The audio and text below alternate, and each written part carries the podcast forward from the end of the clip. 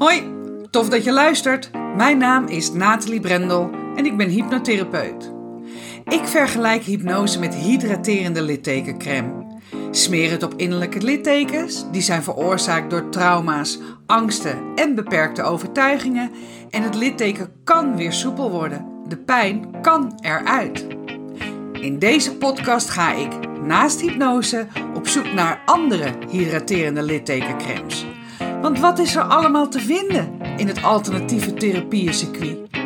Ik ga in gesprek met de beste specialisten. Hoe zijn zij met hun smeerseltjes in aanraking gekomen? Wat was het moment dat ze dachten: dit is te gek, hier ga ik in verder? En wat doet het precies? En ik spreek ervaringsdeskundigen. Waarom zijn ze juist deze therapievorm gaan volgen? En wat heeft het ze opgeleverd? Kortom, de verhalen achter de kremmetjes. Welkom bij Smeren met Brendel.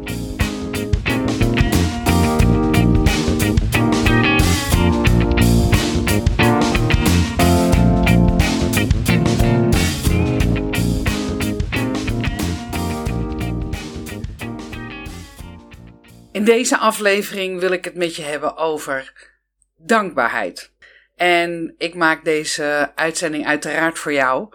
Maar voor dit geval ook speciaal voor mijn vriendinnetje Sandra.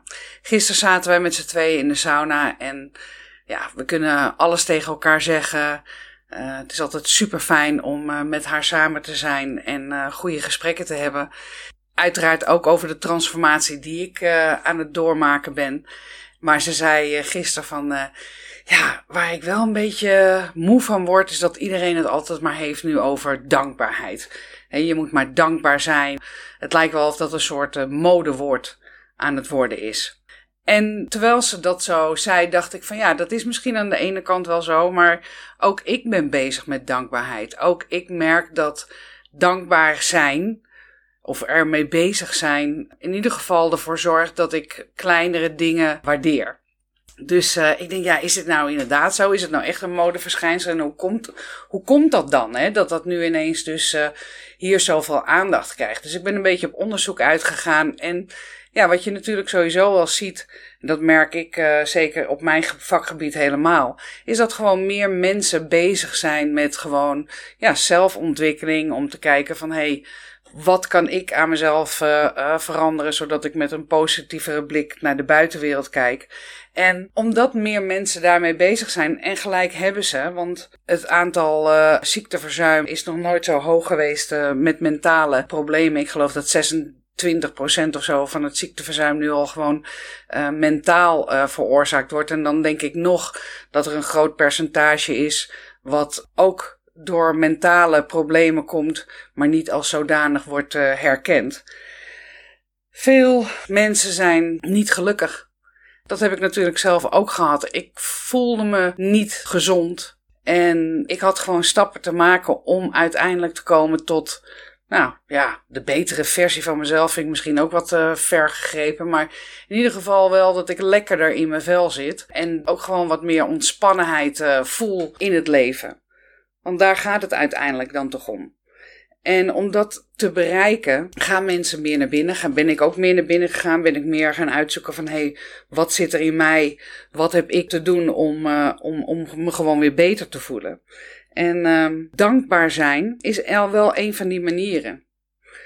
Het zijn de kleine dingen die, uh, die je te doen. Hè. ik heb even gekeken, er zijn zoveel uh, spreekwoorden en gezegdes die te maken hebben eigenlijk met dankbaarheid. Hè. Wie het kleine niet eert, is het grote niet weert. Er is ook zo eentje van vroeger die uh, veel gebezigd werd. Eigenlijk heeft dat ook alles te maken met dankbaarheid. Dus het is niet van deze tijd. Het is volgens mij van alle tijden. En ook um, als je kijkt door alle religies en uh, filosofieën en religieuze tradities uh, in. Het uh, boeddhisme en het hindoeïsme gebruikt dankbaarheid. Hè? Ik bedoel, we waren afgelopen december op Bali en daar geloven ze ook in karma.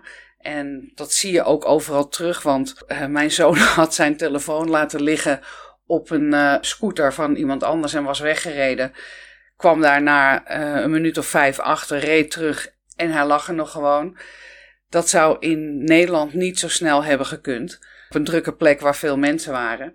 Maar ze geloven daar heel erg in karma. Dus wie goed doet, goed ontmoet.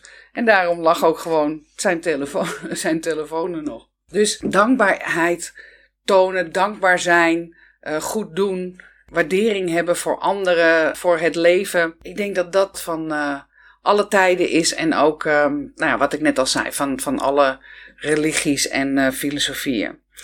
En wat het mij in ieder geval brengt, is dat ik hele kleine dingetjes die ik eigenlijk uh, me anders niet zou herinneren, dat ik die gewoon opschrijf. Dus ik focus mijn aandacht daarop. En ook dat ik het nog een keer terug kan lezen. En dat maakt ook dat je denkt bij jezelf van, oh, wat doe ik toch een leuke ding en wat heb ik toch een fijn leven. En als je dat voelt, dan straal je dat ook uit. En dat krijg je dan ook weer terug. Want um, als je het hebt over bijvoorbeeld uh, energie, dankbaarheid zit in een hoge energetische frequentie.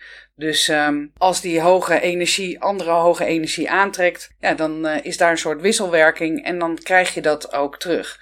Alles, hè, wat ze ook zeggen, alles waar je aandacht aan geeft, groeit. Dus geef je aandacht aan kleine positieve dingen, dan uh, zullen die dus ook alleen maar meer groeien. En ik heb hier mijn uh, boekje voor me liggen. Ja, sorry San, maar ik schrijf ook echt, uh, of ik probeer in ieder geval elke dag mijn drie dingen van uh, dankbaarheid of momenten van dankbaarheid op te schrijven. En uh, dat zijn echt kleine dingen als de musjes die dansen door de tuin vliegen. Of dat ik ben wezen zwemmen met mijn moeder en met mijn zoon. De zon op mijn gezicht. Dat zijn activiteiten of momenten die je, als je ze niet opschrijft, gewoonweg vergeet en niet meer bij stilstaat. Terwijl je ze als je ze aandacht geeft en je erop focust, dat dan eigenlijk alles om je heen gewoon positiever wordt. Dus dat is dankbaarheid voor mij. En dat er nu veel aandacht voor is, dat, dat je ook op uh, social media daar veel over uh, hoort of leest, of dat je bekende mensen hoort die daarmee bezig zijn. En dan denk ik, ja, misschien is dat uh, aan de ene kant dan misschien wat mode gerelateerd. Maar dat heeft dus echt te maken met dat mensen meer naar binnen gaan om in deze maatschappij ja, zich ook staande te houden. Wat wil ik nou? Waar sta ik voor? Wat is goed voor mij? En ik denk dat dat een hele positieve, goede beweging ook is. Zodat je met die positiviteit over jezelf ook veel positiever um, anderen tegemoet treedt. En dat maakt het leven, weet ik ondertussen uit ervaring, alleen maar leuker ja, dankbaarheid. Ik ben het uh, steeds meer. Ik uh, realiseer me steeds meer dat het uh, bijdraagt aan positieve groei. En ik snap dat, dat het misschien nu wat veel gebezigd wordt, maar aan de andere kant, volgens mij, is dat alleen maar een, een goed iets de mensen die dankbaar zijn, staan niet in de kroeg, uh, zuipen zich de pletter en steken vervolgens iemand dood. Omdat hij te dicht tegen ze aanstond. Of dat je gezichtje niet iemand niet aanstaat. Er is zoveel shit in de wereld. Ik denk bij mezelf, laten we maar gewoon dankbaar zijn. Dan ziet de wereld er een stukje mooier uit. Dit was een korte solo. Speciaal ook voor jou, San. Ik hoop dat je nu een iets positievere blik hebt als je denkt aan het woord dankbaarheid. Ik ben in ieder geval heel dankbaar dat, uh, dat wij vriendinnen zijn en dat je zo trouw naar mijn podcast luistert. Ik ben dankbaar ook voor uh, de mooie momenten die wij samen hebben, zoals in de sauna. Heb een mooie dag.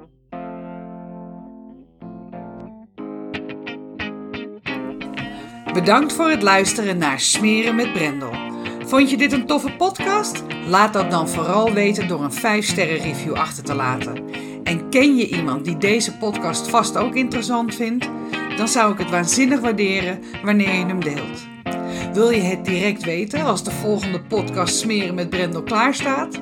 Klik dan in jouw podcast-app op de button subscribe en je ontvangt direct bericht als de nieuwste podcast online staat. In de Spotify-app kan je zowel het beoordelen als het delen en het volgen van deze podcast heel eenvoudig regelen door op de drie puntjes te klikken. Super bedankt!